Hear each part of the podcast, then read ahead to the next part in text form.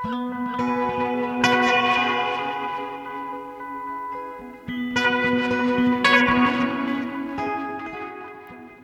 og sæl. Í viðsjá dagsins fjöllum við um flótafólk, jazzáttíð, Angelu Merkel og yngarímið og melodíska músík Puccinis. Það er eitthvað við tónlist Puccinis sem á greiða leið að hjarta okkar, líka þeirra sem að hlusta ekki á óperu að staðaldri. Þetta er allavega skoðun þeirra Bernadettu Heggi Sóbranssöngkonu og Marton Virð, hljómsveitarstjóra og organista í Landakotskirkju en þau skipa óperu dúóið Opera Together. Bernadetta og Martón störfuð saman við tónlist í heimalandi sínu, Ungverðalandi og hafa nú tekið aftur upp samstarf á Íslandi eftir að leiðir þeirra lágu hér óvænt saman. Í kvöld klukkan sjö og um helgina flytja þau lifandi óperutónlist Puccinis við þögglu kvikmyndina um Madame Butterfly í Bíó Paradís. Martón verður gestur okkar hér á eftir. Og við kynum til leiks nýjan pislahöfund hér í Vísjá. Björn Halldórsson, reithöfundur, mun flytja okkur vikulega pisla fram á sömar um allt milli himmis og jarðar. Að þessu sinni er það bladagreinum Angelu Merkel, fyrirverandi kanslara Þískalands, sem að fekk Björn til að velta fyrir sér sorgum og sigurum á samfélagsmiðlum. Hvað gerist þegar rýmið til að halda hamingi og harmi í hjart okkar Þetta tilfinningarými sem við hleypum engöngu okkar nánustu inn í tekur að skreppa saman samlega því að líf okkar fer að sístækandi hluta fram á ofinbyrjum vettfangi. Fyrsti pistil Björns Haldurssonar hér á eftir. Og jazzáttíð Garðabæjar hefst á morgun og stendur yfir fram á sunnudag 24. apríl. Að háttíðinni sem að haldin er í 16. sinn koma fram Ellen Kristjánsdóttir og félagar, Katrín Legard á samt Sigurði Flósasinni, Marina Ósk og Tríó, Sunna Gunnlaugs og hennar Margrenda Tríó og auk önnugreitu sem að fekk nýverið íslensku tónlistarverlunin. Fjölbreytt áskrá, þar sem að konur er í aðhlutverkum, á þessari 16. jazzháttíð Garðabæjar. Sigurður Flósason hefur verið listrætt stjórnandi hátverðarnar frá uppafi og hann verður hér á línunu með okkur á eftir. En við hefjum þáttin í dag á pistli frá Natasju. Natasja er rúsnesk, skald og fyrirvænandi bladakona en hefur búið hér á landi í um áratug. Þetta er hennar þriðji pistill um upplifun hennar af stríðinu í Úgrænu. Þeir rúsnesku vinnir minnir sem eru enn virkir á samfélagsmiðlum búa í útlandum. Margir taka þáttu hjálpastarfi fyrir flottamenni þeim löndum þau búa. Þetta eru fólk sem hefur áður komið sér frá Rúslandi í öðrum óróa bylgjum. Við tölum saman um hvernig kerfin virka og hvernig móttaka flotta fólks er hjá okkur. Ég tek eftir því að hverju landi er stór hópur af rúsum sem hefur sett lífið sitt að básu og einbætt sér á vinnu með og fyrir flottamenn. Ég sé sjálfbóða líða hætti í vinnu og fara að vinna með flotta fólki. Fyrir marga er flottamanna ástand líka sjálfsmyndarkreppa. Fullorðin börn verða á fóðurlandsvíkurum, foreldrar þeirra, ætjaðarvinir, mótmælendur stimplaðir sem fulltrúar, erlendra ríkja eða fóðurlandsvíkarar í skrifnesku moppum rúsneskra stopnana. Vinnur minn íslensku kennari tengdi mig við rúsneska flottakonu sem komst til Íslands. Hún var heppin, hún var þá þegar með virka Schengen vegabrifsafrítun og gati virkefið landi á meðan það var hægt. Þann 24. februar tók hún út alla sína peninga í evrum, það var líka hægt þá. Hún pakkaði hlýjum fötum í dösku, personulegum skjölum, lífjum og nokkrum pokkum af augnlinsum. Áður en hún fór út úr húsi á mótmæli, fór hún gegnum allt efni á símanum sínum, samskiptum, myndum, samfélagsmiðlum og hreinsaði út allt tengt stjórnmálum. Hún vildi ekki býða eftir að sonur hennar yrði eldri og sendur herrin. Hún útbjó umbóð á íbúðina sína svo hægt væri að leia hana eða selja í neyða til felli. Fóri bankan, skrifaði umbóð á vinsinn, Vinnir hennar sem einni voru á leiðinni út þinglisti öllum leifisbrefum og prófskireitnum sínum saman. Hún sapnaði saman læknisvottortum sonarsins, en hann var mjög oft veikur. Það myndi virðast líklegra að þau voru að fara í frí, fá fersk loft. Hún keipti mjög dýra flugmiða hjá Erlendu flugfélagi, þeir hækkuðu enn meira síðar. Bókaði svo hótel sem var hægt að afbóka. Áður en hún fór á flugvellin tók hún þrenn róandi líf til örgis.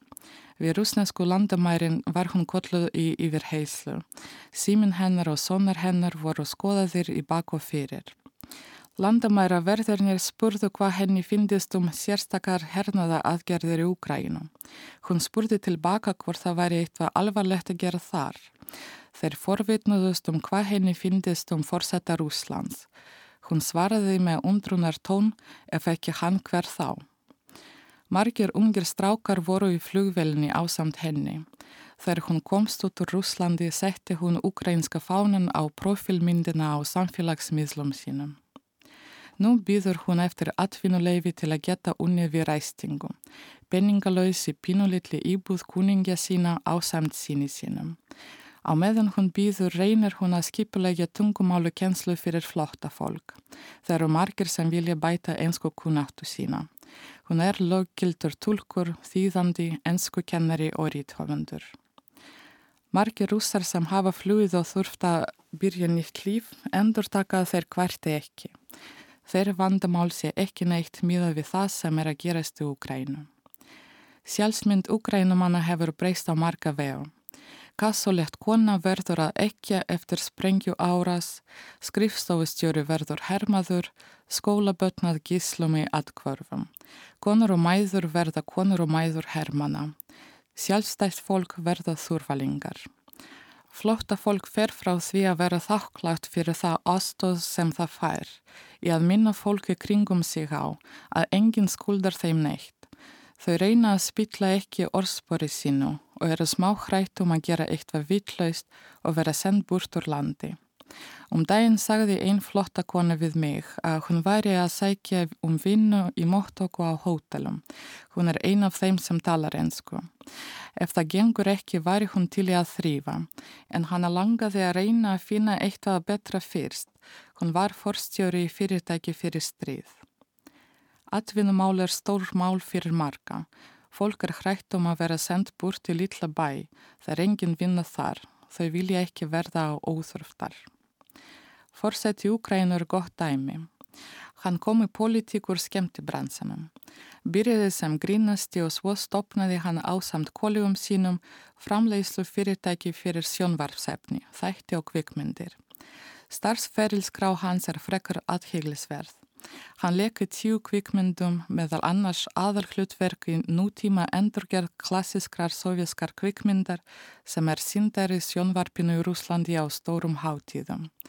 Hann skrifaði handrit fyrir 15 kvikmyndir, framleiti 22 myndir, talsetti fjórar teiknamyndir og árið áður en hann var fórseti kom út fyrsta kvikmynd sem hann leikstýri. Hún er á rúsnesku. Það merkilegasta í starfsferlið Sjelenskið uh, voru þættir sem heita þjóttn fólksins, þar sem hann var með aðalhlutverk, sögukennara sem var það að fórsetta. Í þessum þáttum var jafnvel gert grín af íslensku. Þar sem umræði í einum þættinum var um dvöl Ukrænumanna á Íslandi án vegabrefs áritunar og svar Íslandinga var að þeir takja múti Ukrænubúum aðeins ef þeir læri íslensku. Stjórnmannaflokkurinn sem Selenski stopnaði heitir samanapni og þættirnir. Árið fyrir kostningar tilkynnti hann að hann myndi bjóða sig fram til fórsetta. Þáttunum lauk á því að hann varð fórseti. Ég veldi fyrir mér hvernig það er að vera uppistandari og leikari og allt í einu verða að fórseta lands sem rúsar ráðast á. Það er mjög merkilegt að sjá hvernig manneskja stendur sig í því og sjá múnin á stjórnlist og ræðulist hjá forsetta sem kemur úr menningu annars vegar og forsetta sem kemur úr ríkis og ríkisnefn eins og þetta sé einhvers konar bardagi millir hins góða og hins illa. Stríð er ekki nýtt fyrir bæri, það hefur alltaf verið til.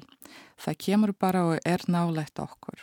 Við erum orðin nógu fullorðin til að finna til ábyrðar á því.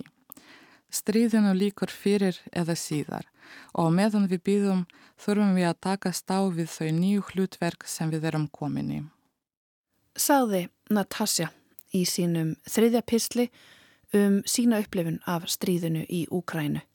Natasja er rúsnesk, skald og fyrverandi bladakona en hún hefur búið hér landi um áratug. Hún verður áfram með vikulega písla hér í Vísjá. En þá er það djassin.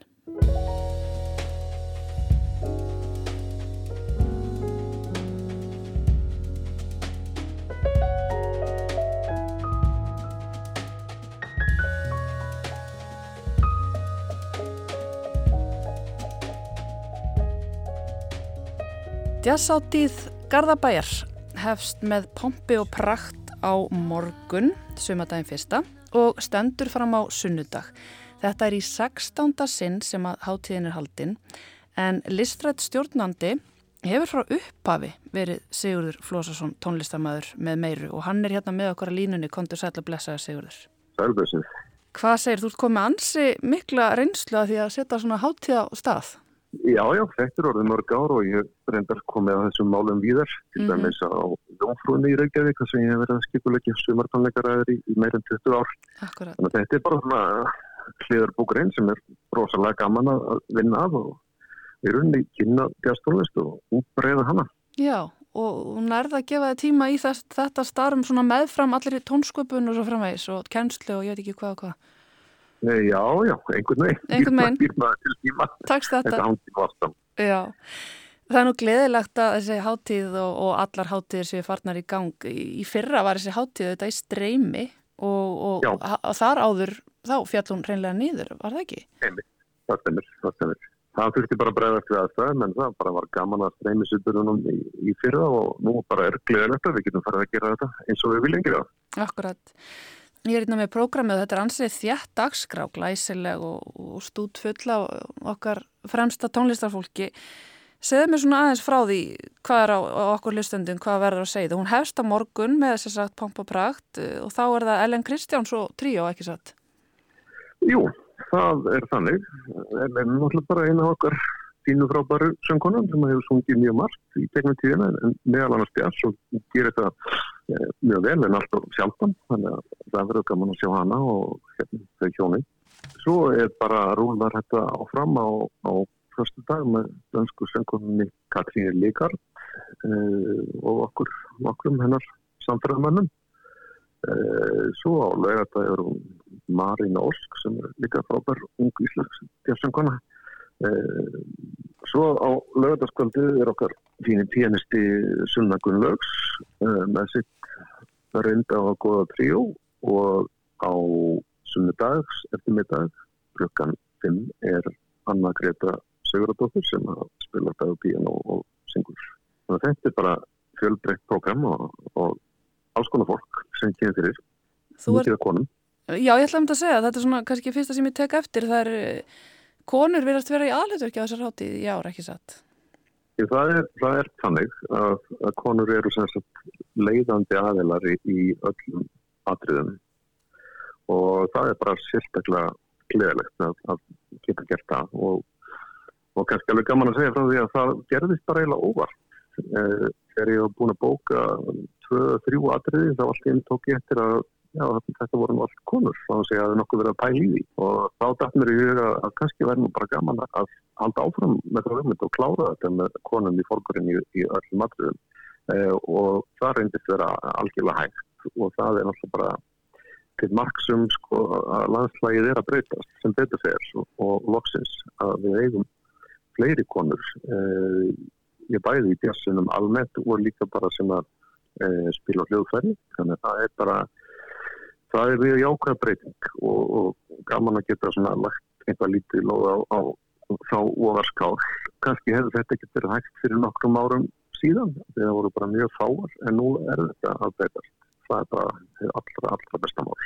Það er mitt og merkilegt að þú hefur ekki endilega lagt á stað með þennan fókus en þetta hefur svona bara komið í þér, óvart. Já, það er bara komið óvart og, og það segist kannski svo mikið um það, hvað hefur gerst og það er þetta kannski þeim að fakka sem að, að riðu fyrstar á vaðið af því að þetta snýst alltaf um fyrirmyndir að mörguleiti sko þær konur sem hafa verið framalega í, í gerðsunum í einhver tíma eins og sunna til dæmis sem er aðna og Kristina Stefansdóttir sem er í bíða það, það skilur skiptmáli mm -hmm. og við sjáum að það líka í, í poppinu núna við erum bara að sjá fleiri sterkur spil á trónur og, og það kannski getur við þakka líka sterkur rocka og svona þannig uh, verkefnum.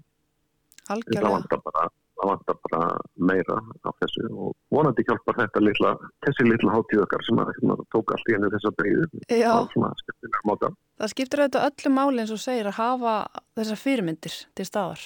Ég held að skiptir mestu máli sko og fyrirstaðan er kannski bara í því að, að hérna, þetta er ekki í huga að fara þessa leið eða hún virðist óárennilega eitthvað sluðis ímyndið að mér, maður getur náttúrulega ekki sagt um þetta sem kannmaður, hvernig þetta er einnig að hljóta breyta miklu að sjá aðrar vera að gera þetta og gera þetta svona flott. Mm -hmm.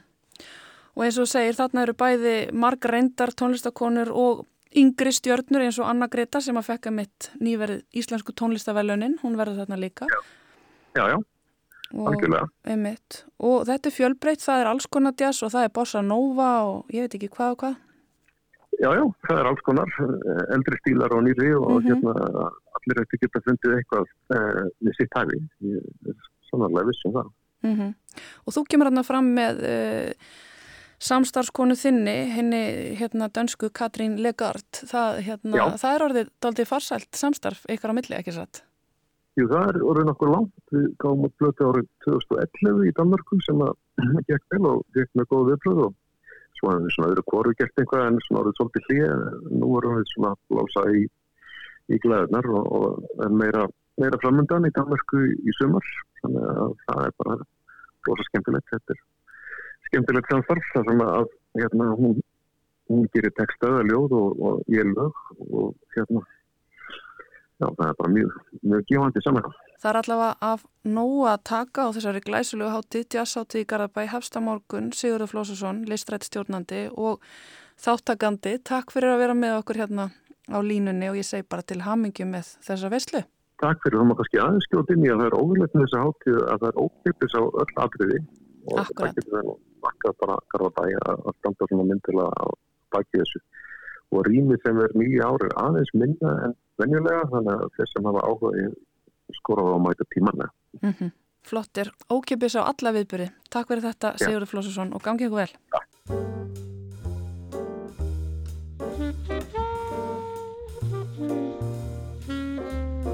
Being in hell can be almost divine if you manage to find your way into line.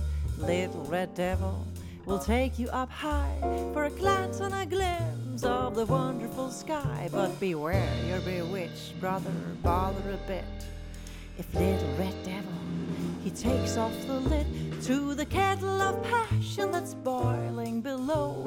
Funny faces will frown as they rise from the stove. Wash your spine and your soul as they chalk in the coal. Don't breathe in the smoke, gaze at skies as they stow. If this happens, however, it's too hot to be clever. You will fall to the ground, or the deep, dark, profound, where they rip out your heart as they're ringing the bell. For little red devil, to show you yourself. No being in hell can be better than blessed. Keep your feet on the ground and just try not to rest.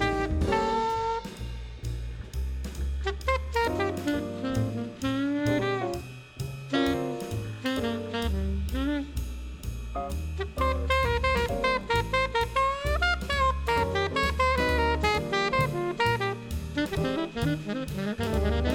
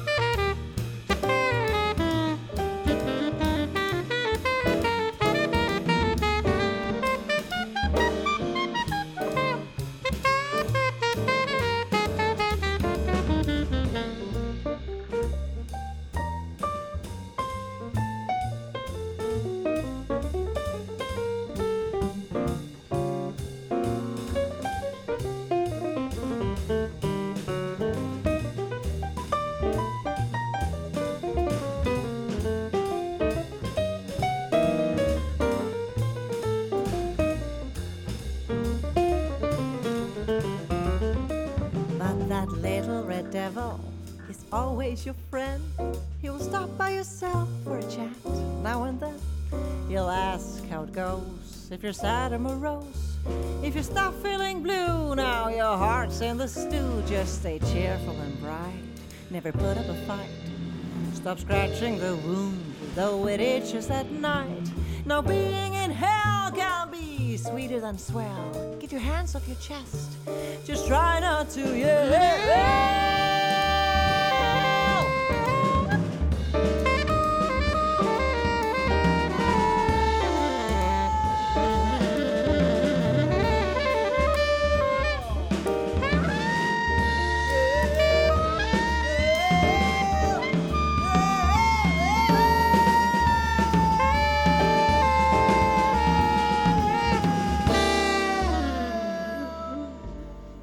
Flossarsson og Katrín Legard með lagið Little Red Devil á blötinu Land and Sky frá árinu 2011 en þau muni mitt koma fram á jazzáttíð Garðabæjar sem að hefst á morgun og þar sem að konur eru í aðalitverkum í fyrsta sinn.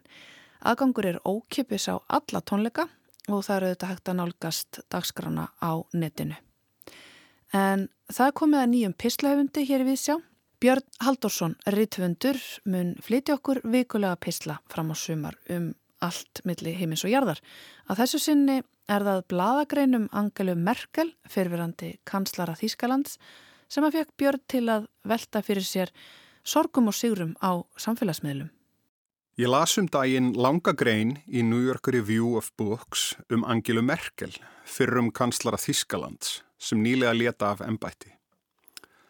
Greinin bar titilinn svo síðasta sinnar tegundar og bendi meðalans á að Merkel, sem ólst upp í austur Þýskalandi, væri líklega síðasti leiðtogi Evrópusambandsins sem hefði upplifað það góðan hluta æfisinnar að horfa til evrópsks líðræðis utanfrá.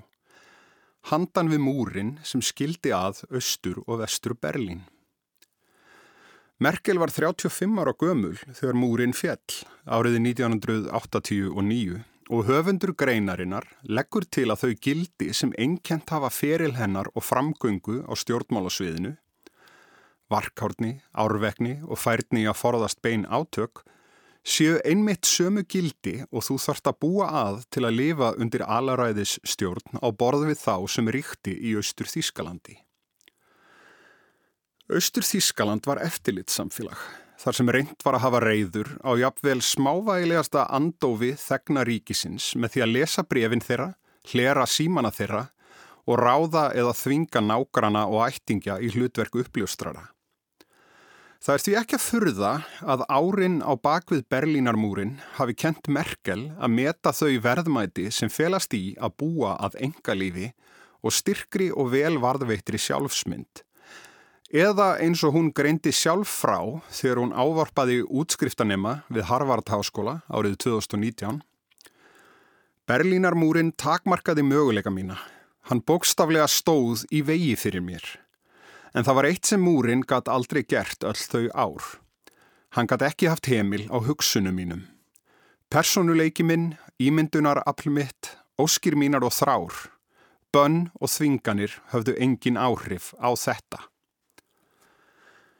Þessi orð varpa kannski ljósi á hví Merkel hefur oft verið sökuð um að vera eilítið köld sem pólitíkus.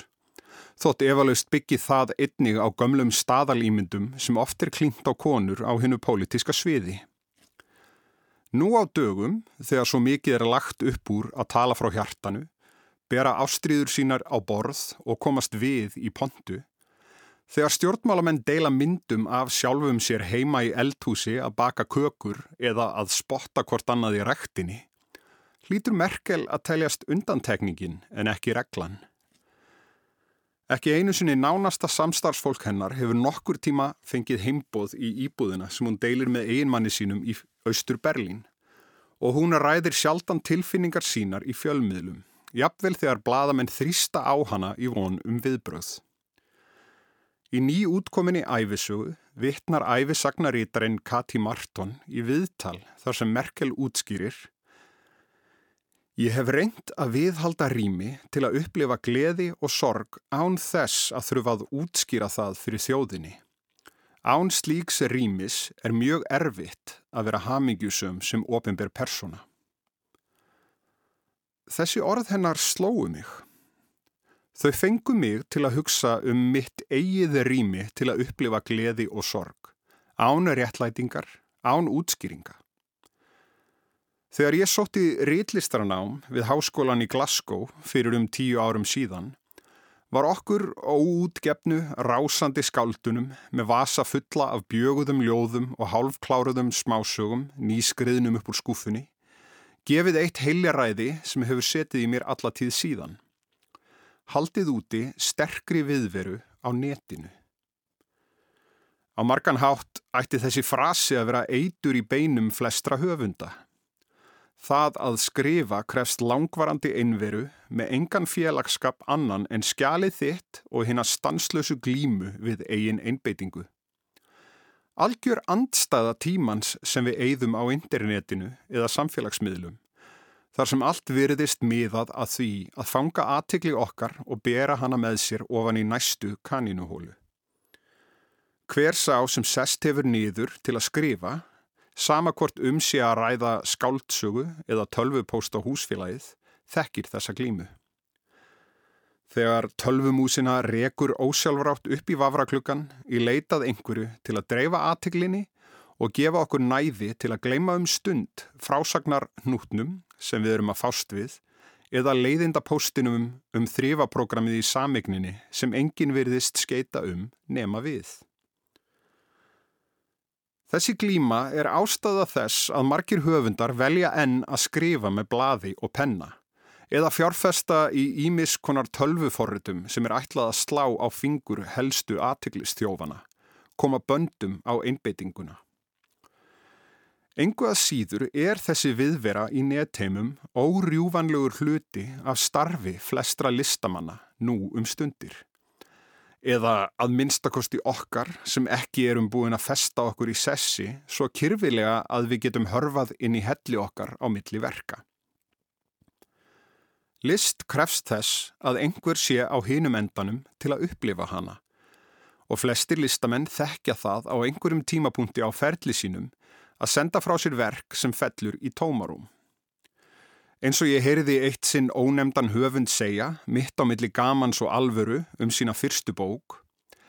Já, ég gerði bara einhvern veginn ráð fyrir því að heimurinn myndi stoppa þegar ég loksins kæmi þessari bók út.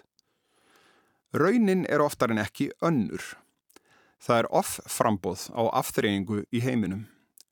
Ef nýjir höfundar ætla að hasla sér völl og koma sér upp lesendahóp, þurfa þeir yfirleitt að taka þátt í þessum leik á einn eða annan hátt, að halda úti viðveru á þeim miðlum sem standa þeim til bóða og breytast jafnvel þannig í ofinberar personur.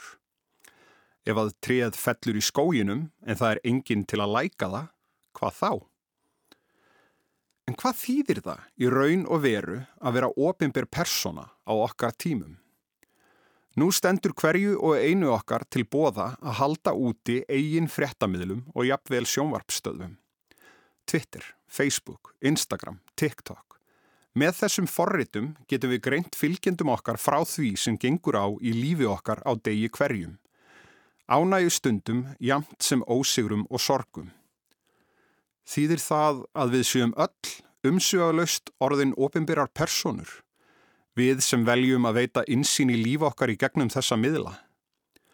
Það veriðist allavega ekki stoppa okkur í að opna enga líf okkar upp á gátt fyrir fólki sem við þekkjum ekki endilega neitt sérstaklega vel. Gömlum vinnufélögum, vinnum foreldra okkar og fyrirvænandi rekkjunautum eða jafnvel fólki sem við þekkjum hreinlega ekki neitt. Hvað gerist þá þegar rýmið til að halda hamingju og harmi í hjarta okkar? Þetta tilfinningarými sem við hleypum engöngu okkar nánustu inn í tekur að skreppa saman, samhliða því að líf okkar fer að sístækandi hluta fram á ofinbyrjum vettvangi. Ég heyri pretikunartónin sem hefur læðst inn í rött mína og ætla að reyna að stíga gætilega niður af sápukassanum. Það er ekki á ætlun mín að álasa einum nýjan einum fyrir þá aftreyingu og ánægu sem samfélagsmiðlar óneitanlega veita okkur. Sjálfur hef ég deilt ófáum myndum af gleðistundum með vinum og fjölskyldu á samfélagsmiðlum og þannig oft leift ókunnugu fólki inn í stofu til mín.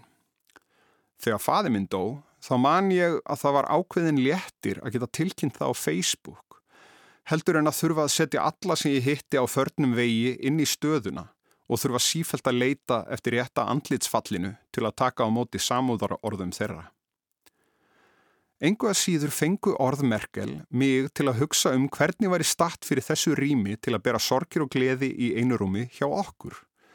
Kynnslóðunum sem hafa búið með samfélagsmiðlum öll okkar fullorðins ár eða jafnvel alist upp með þeim.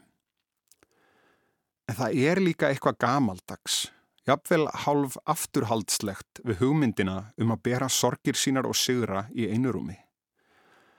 Á undanförnum áratugum höfum við lært mikilvægi þess að tala um hlutina, að við þurfum ekki lengur að burðast ein með þungar tilfinningar sem slega okkur í okkar daglega lífi. Og við höfum séð máttinn sem fælst í því að deila sögum okkar hvernig það getur kallað samfélagið til ábyrðar og veitt öðrum styrk til að stíga fram eða að minnstakosti upplifa sig ekki jafn al eina í heiminum. Engu að síður rekur mér í stans á daglegu ráfi mínu um samfélagsmiðla þegar ég rekst á myndir eða myndbönd af fólki sem starir örmagna og örvinglað í myndavélina, myndavél sem það heldur sjálft á og fellir tár. Og á sama tíma og ég finn til með þeim eða dáist að þeim, hrýs mér líka hugur við tilhugsununa um að opna mitt eigið litla rými þar sem ég gemi allar mínar stærstu tilfinningar. Ást og gleði og allt hitt líka. Þetta þunga og flokna sem bara örfármanneskjur fá nokkur tíman að sjá fyrir ókunnugu fólki. Fólki sem er kannski í kaffipásu eða á klósettinu og var bara að fletta í gegnum símansinn í leitað einhverju til að draga aðtiklina eitt augnablík frá amstri síns daglega lífs. Saði Björn Haldorsson, rithöfundur og nýr pislahöfundur hér í Vísjá. Við munum fá veikulega pisla um allt millir heimis og jarðar frá honum fram á sumar.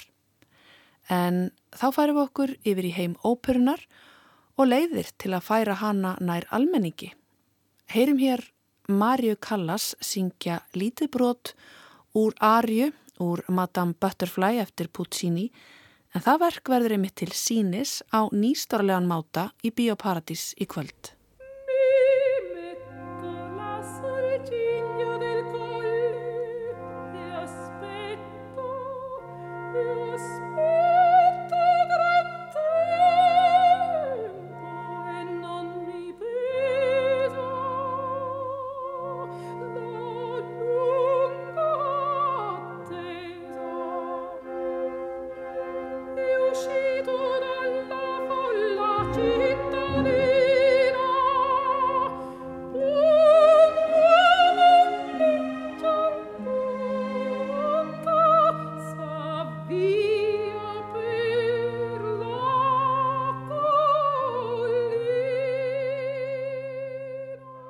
Bernadetta Hegi, sóbransönguna og Marton Virt, tónskáld, ljómsveitarstjóri og organisti í Landakotskirkju skipa óperu dúóið Opera Together.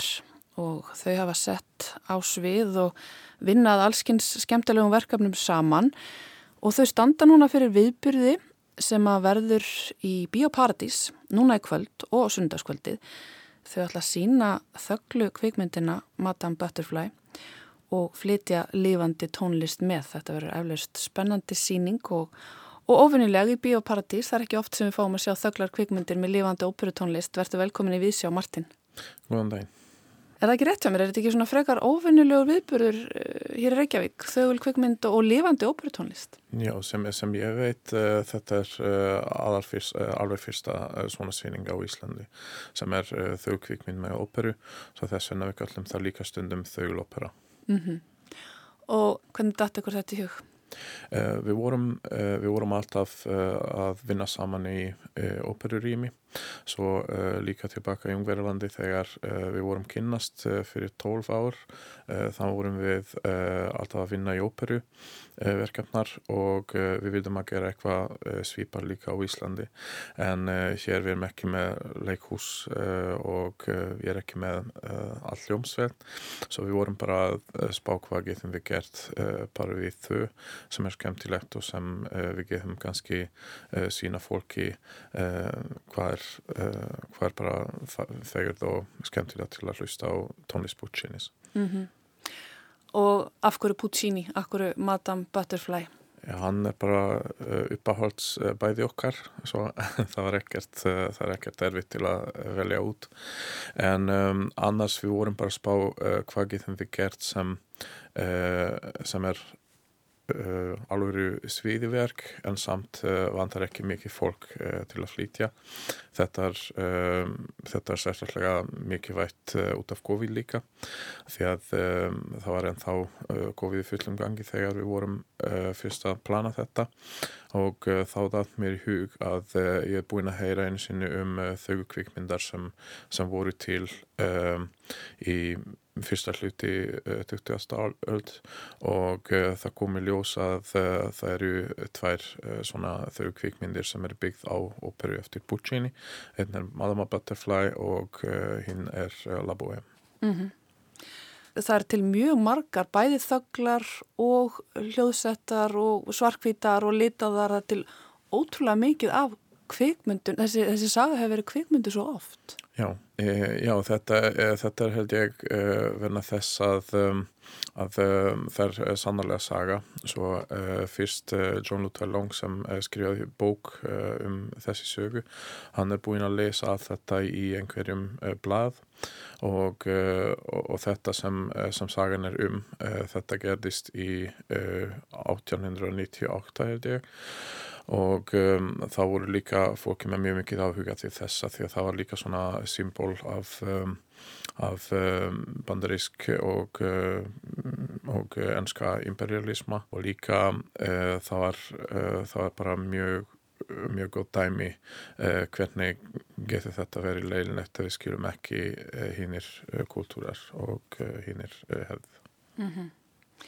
Einmitt, þetta er eh, stórbrotin ástarsaga sem fjallar, eh, kannski að förum aðeins yfir það fyrir lustandi uh mhm. -huh. sem að þekk ekki söguna sem fjallar um geysu sem verður yfir sig ástfangin af eh, bandariskum Hermanni. Uh mhm. -huh. Já, það, það var svo leis uh, sem ég veit í sannarlega sögu, það var svo leis að Um, það gerði svona að um, þessi bandarist uh, herrmaður um, var í Japan uh, í einn eða einn og halv ár og hann var uh, orðin bara að kaupa brauð fyrir hann sem var, sem var af eilað þá í Japan og hann, já, hann hann vissi ekki að hann vildi ekki skila að þetta var uh, alveg alvöru fyrir, uh, fyrir stúkuna og uh, fyrir honum þetta var frekar svona um, skemmtilegt viðbur til að hafa brúðgaup og hann kefti þá hús líka þar og fór þá tilbaka í bandaríknum og þá var hann Eh, þá var hann eh, giftast aftur af því að um, verna einhverjum skriðir lög þessi, þessi gifting sem, sem þau voru með í Japan, það var ekki gildir í Bandaríki, í Bandaríki. svo þess vegna uh, hann bara tók uh, annan konu og, uh, og var að giftast með henni og um, þegar þegar japanska stúlka hefði um þetta ég held í sannarlega sögu hann fór ekki tilbaka í Japan uh, bara uh, þegar stúlkan hefði um þetta uh, hún var bara að dreipa sig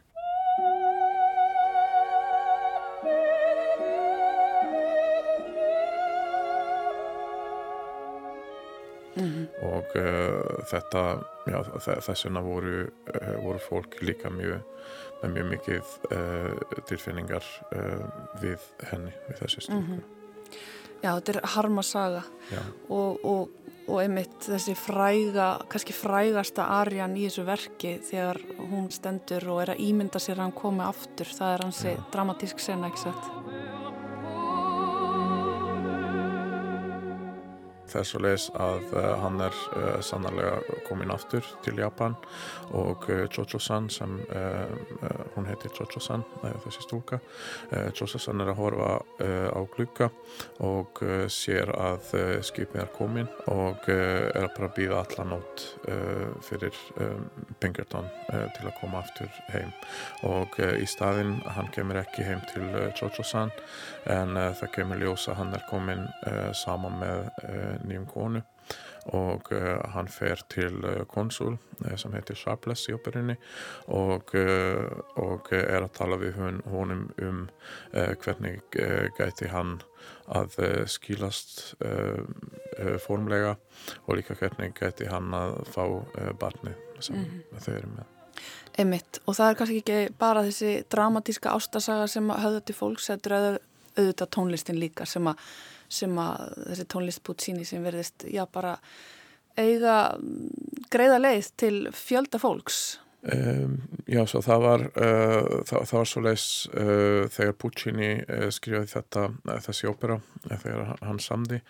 Um, það var fyrst ekki mjög vinsæl og hann er búinn að, að breyta all sjösynum og þá síðasta útgafa Eh, hefur verið mjög vinsært, er líka í dag og eh, sem er líka mjög áhugavert og, eh, og sem er að, sem er að vekja aðhyggli líka við fólki að hann er búinn að byggja, upp, byggja inn margar japanska melodýr og, og tónlistar hluti í operunni. Já, og hvernig myndi þessi viðbúri fara fram hjá ykkur Bernadettu? Hvernig ætlaði að flytja þetta á sviðinu í, í Bíóparadís? Við vildum að, við að vera bara uh, sem, uh, sem hefbundin sem hægt er. Svo uh, við verðum bara með piano rétt við myndin og hún Bernadett bara stendur rétt hjá og við flytjum alveg á meðan Uh, á meðan myndin er í gangi uh, ég var að gera svona verkefni áður og líka uh, en af kennara mínar í tónlistaháskóla starfaði sem sem svona movie organist sem, sem var sagt í mandarínum þar mm. og hann er búinn að, að segja mér mjög mikið um hvernig þetta virkaði. Svo við vildum að gera bara eins og það var nema að um, þegar þessi uh, kvíkmynd uh, var, var flutt þá yfirleitt var ekkert annað bara pianist Eh, bara pianoleikari eða eh, saman með lilla hljómsveit og eh, þau eru yfirleitt að spuna. Og hjá okkur það er svo leiðis að ég er að spuna líka en við viljum að hafa mest hluti bein frá Puccini. Svo líka þegar ég er að spuna þá, þá er ég alltaf að nota hluti af Puccinis tónverk. Já þannig að þið ætla líka að spinna eitthvað. Mm -hmm. Já. Þið hafið starfað saman hérna, þú Bernadetta á Íslandi í nokkur ár Já. eru bæði frá Ungverlandi, má ég spyrja hvernig leðir eitthvað lág hinga og hvernig þið kynntust þér? Uh, já, svo sem sagt, uh, við erum búin að vinna saman mjög mikið í Ungverjalandi svo við, er, við vorum uh, góðir vinnir en ég kom fyrst fyrir 6,5 ár og um, þá var ég að vinna bara alls konar stöðum sem jazzpianoleikari í veitingastöðum og líka í þjóðkirkjunni, núna er ég í katholska kirkjunni í Landakot. Og uh, þá eftir nokkrum ár uh, komi ljós að hún ætla að flytjast hingað líka því að, uh, því að um, mannin hennar er frá Noregi.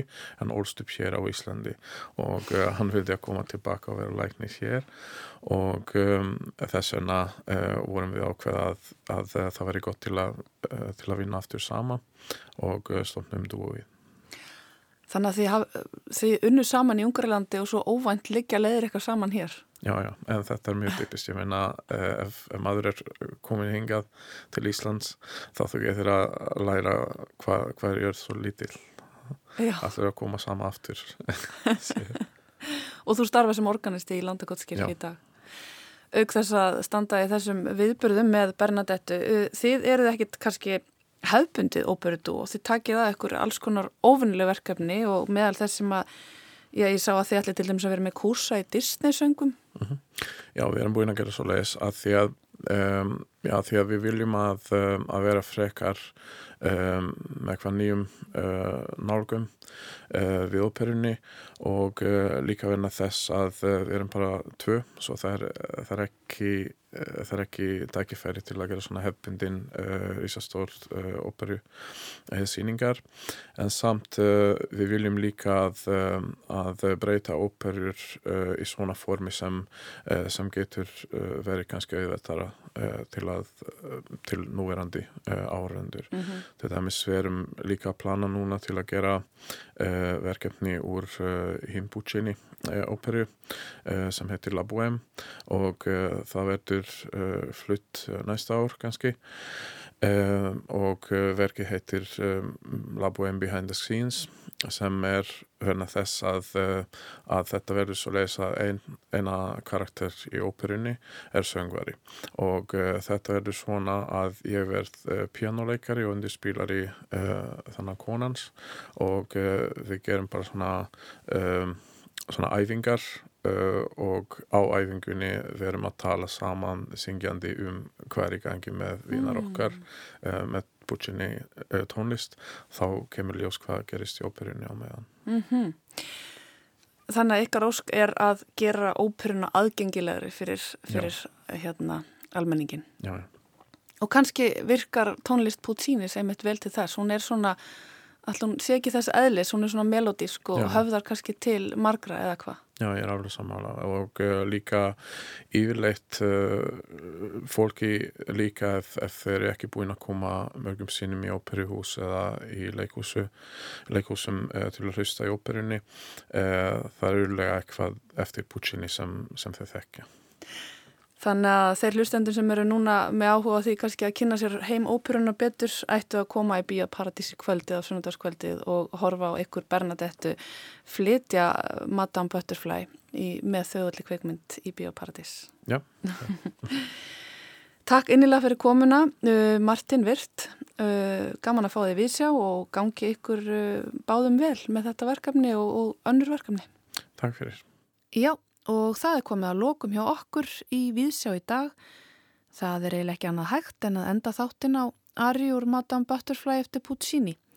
Og við heyrum núna eina af dífum síðustu aldarflitja Um Beldi Vedremo eða Eitt daginn munum við sjá. Marja Callas söng þetta árið 1954. Takk fyrir í dag og verið sæl.